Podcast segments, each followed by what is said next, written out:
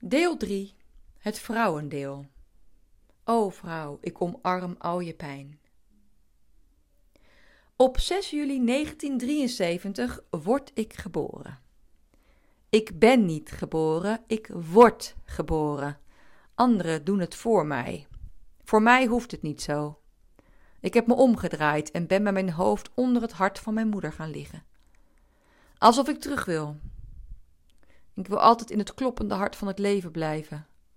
Ik hoef die rauwe aarde niet op. En ik krijg het stik benauwd. Ik word er toch uitgehaald. Razend ben ik. Ik ben razend omdat iemand anders mij uit mijn heerlijke droom haalt. Razend omdat het zo koud is. Razend omdat mijn moeder er niet bij is. Ze slaapt en blijft nog zeker 24 uur weg. Ik wil al jong de wijde wereld in. Nog in mijn luier stap ik de tuin uit met aan de hand mijn kruiwagentje om mijn schatten in te bewaren en ga de buurt verkennen. Ook blijf ik altijd smachten naar die andere kant van het leven. Alsof mijn lichaam werd geboren, maar mijn geest zich blijft vastklampen aan het hart van mijn moeder als zijnde de poort naar de hemel. In ons huis vind ik een fotoalbum van een babytje en dat ben ik niet. Mijn zus is het ook niet. Zo ontdek ik dat in deze wereld babytjes worden geboren en ook snel weer doodgaan. Ik zie mijn ouders op een bepaald moment veranderen. Papa komt ineens veel minder thuis en mama zie ik steeds meer zenuwachtig worden. We weten niet precies wanneer hij wel of niet komt.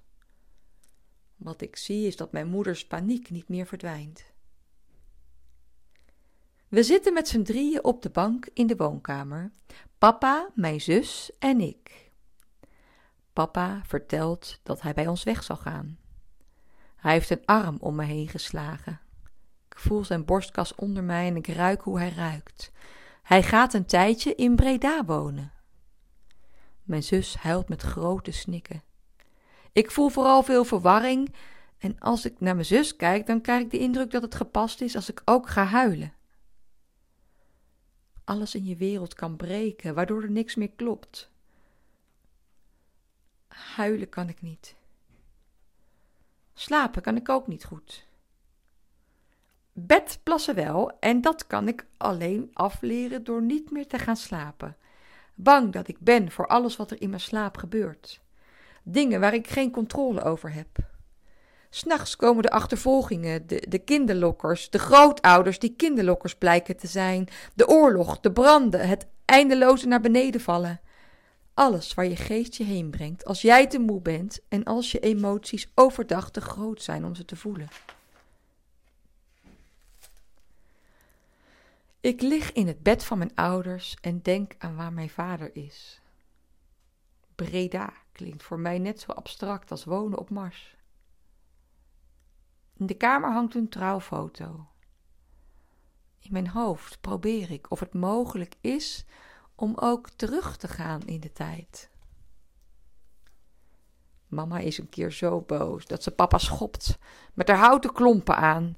En ik dacht dat ze een scheenbeen uiteen zou spatten. Ik was die dag met papa mee op bezoek bij mensen die ik niet kende. En ik ben toen in een plas gevallen. Ik moest een droge broek van iemand lenen. Mama wou niet dat ik die broek leende, juist niet van die persoon. Ik kom samen te wonen met mijn moeder en mijn zus. We redden het over het algemeen goed. Al zie ik wel dat ik niet ben zoals zij. Zij zijn aards. En ik ben een dromer met een hang naar iets groters.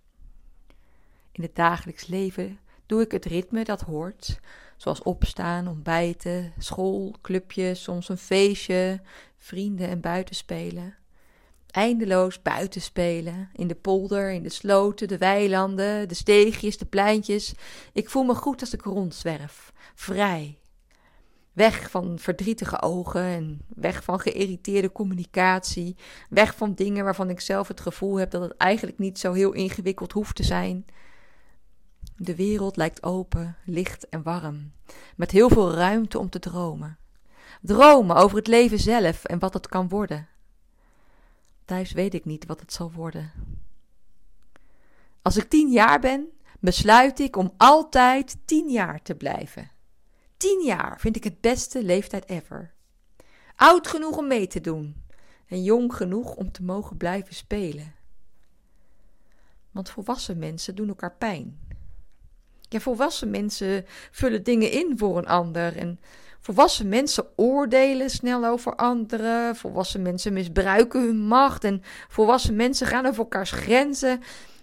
Ik heb geen idee wie ik moet zijn of, of wat mijn natuurlijke rol in het leven is, behalve dan wat ik om me heen zie.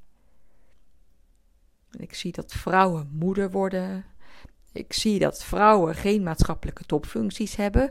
Ik zie dat vrouwen vaak aan de zijlijn staan. Ik zie dat vrouwen in relaties vaak belazerd worden. Ik zie dat vrouwen vaak een ondergeschikte rol hebben. Ik zie dat veel vrouwen ergens onder lijden, al kan ik niet benoemen wat. Ik zie dat vrouwen snel te dik of te dun bevonden worden en, en beoordeeld op hun uiterlijk. Hoe kan ik ervan leren houden om een vrouw te mogen zijn? Als ik veertien ben, dan word ik voor het eerst echt verliefd. Verliefd, met alles erop en eraan. Grote nieuwe gevoelens en sensaties nemen mijn hele systeem in beslag. De zomer voelt zwoeler dan ooit. Mijn hand voelt de huid van de ander en, en er komt een nieuwe magische stroom op, in mij op gang. Mijn, mijn hele lichaam doet mee en ik ben ineens iemand die ik nog niet ken. Alles in mijn jonge vrouwenlichaam wordt in één keer 100% aangezet. Als door een bliksemschicht getroffen voel ik wat het is om een vrouw te zijn. Omdat er even een man dicht naast me staat. Wow, dit is het dus. Ik voel me gezien en ik voel me compleet. Ik, voel me heel. Wie moet ik zijn om, om dit gevoel dan helemaal bij me te kunnen houden? Ja, is dit echt voor mij? En, en wat wordt er dan van me verwacht? Is dit echt helemaal voor mij? Mag ik dit zijn? Dit is wel heel overweldigend. Ik voel me naakt, alsof ik ineens zichtbaar ben voor iedereen. Ik besteed steeds meer aandacht aan mijn uiterlijk en ik merk dat ik kritischer word op mijn lichaam. Ik begin steeds gezonder en minder te eten. En ik denk na over wie ik wil zijn en hoe ik dit vorm kan geven. En ondertussen krijg ik steeds meer complimentjes over mijn lichaam dat steeds slanker wordt. En mijn lichaam voelt steeds minder. Voelt steeds minder verliefdheid, minder kwetsbaarheid, minder gevoelens, minder heftige levensstromen, geen ongesteldheid meer. Prima, daar zat ik überhaupt niet op te wachten. Gewoon alles recht toe, recht aan. Een aantal gezichten om me heen kijken wat zorgelijker en er wordt erop aangedrongen dat ik meer ga eten. Maar ik ben het gaan haten. Ik wil geen eten meer in mijn lichaam. En het mag er niet in blijven zitten. Na het eten zorg ik dat ik even naar de wc kan. En dan voel ik me leeg. En krijg dan vervolgens weer zin om dit op te vullen met eten. En ga ik weer naar de wc. En ik eet steeds meer.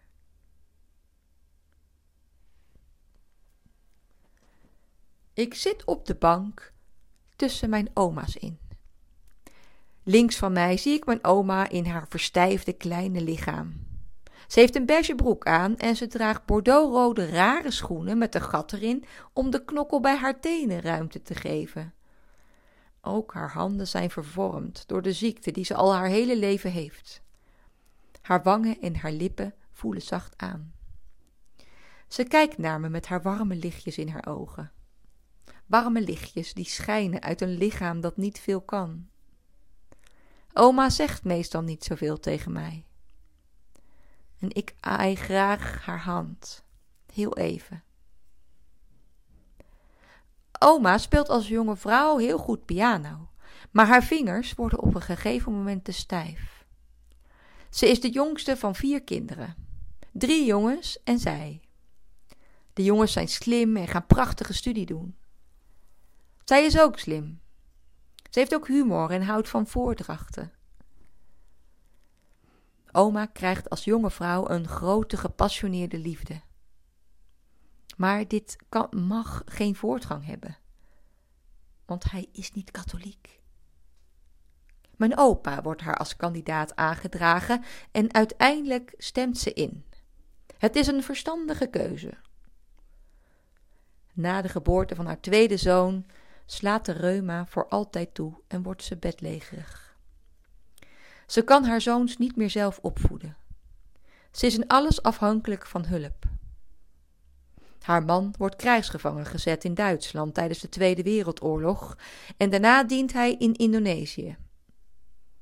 Hij komt terug met TBC en revalideert nog lange tijd in een sanatorium in Zwitserland. Na tien jaar afwezigheid komt hij eindelijk thuis. Ze willen allebei niet scheiden, maar ze komen overeen dat opa er een vriendin bij mag hebben die niet op de voorgrond zal treden. Oma's rol als vrouw in deze wereld is uitgespeeld. Aan de andere kant zit mijn andere oma, die klein en gedrongen oogt. Haar rug is kromgebogen en ze is bijna altijd kortademig. Oma heeft een jurk aan en haar haar zit netjes in de watergolf. S'nachts voordat ze gaat slapen doet ze altijd een netje op om haar watergolf goed te houden. Oma is nog best goed ter been. Haar lichaam is zacht en lekker warm. Ze zegt lieve dingen. Haar ogen staan wat flets, dat wel. Oma komt uit een gezin van acht kinderen dat opgroeit in armoede in Rotterdam.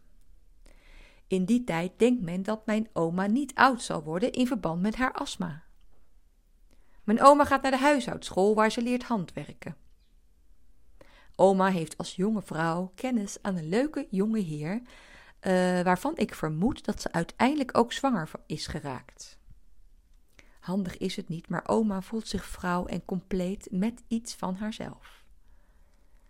Ze wordt gedwongen de zwangerschap af te breken. Oma wordt ziek van verdriet dat jaar.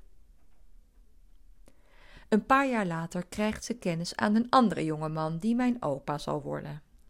Mijn oma hoopt hiermee eindelijk haar eigen stam te creëren. En als mijn oma hoogzwanger is van haar eerste kind, wordt haar man te werk gesteld in Duitsland. Ze blijft jaren in onzekerheid over zijn bestaan. Opa is in Duitsland, waar hij een andere vrouw ontmoet. Na ongeveer vier jaar komt hij als een ander mens terug in de puinhopen van Rotterdam en wat er van hun liefde is overgebleven. Ze vervolgen hun leven tijdens de wederopbouw. Opa gaat aan het werk. Oma heeft zware astma en blijft thuis.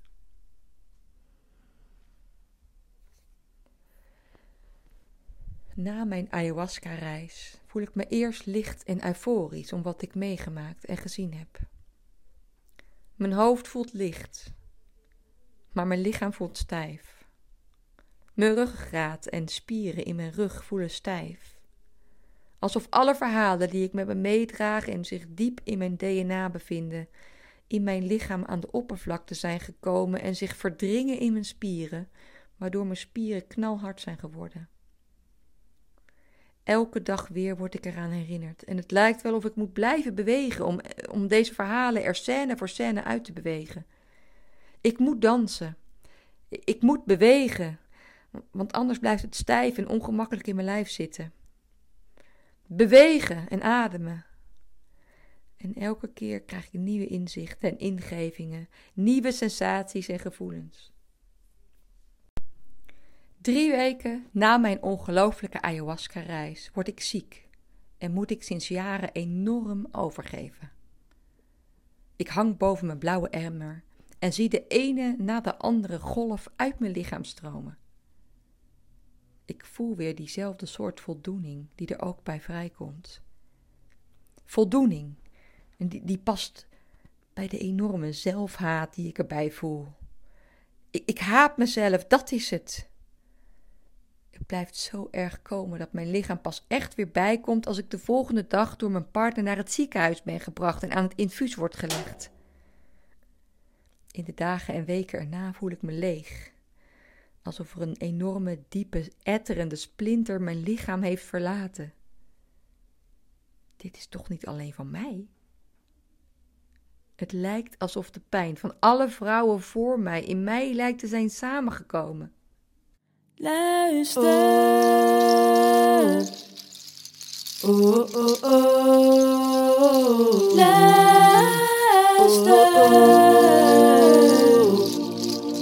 Oh, oh, oh.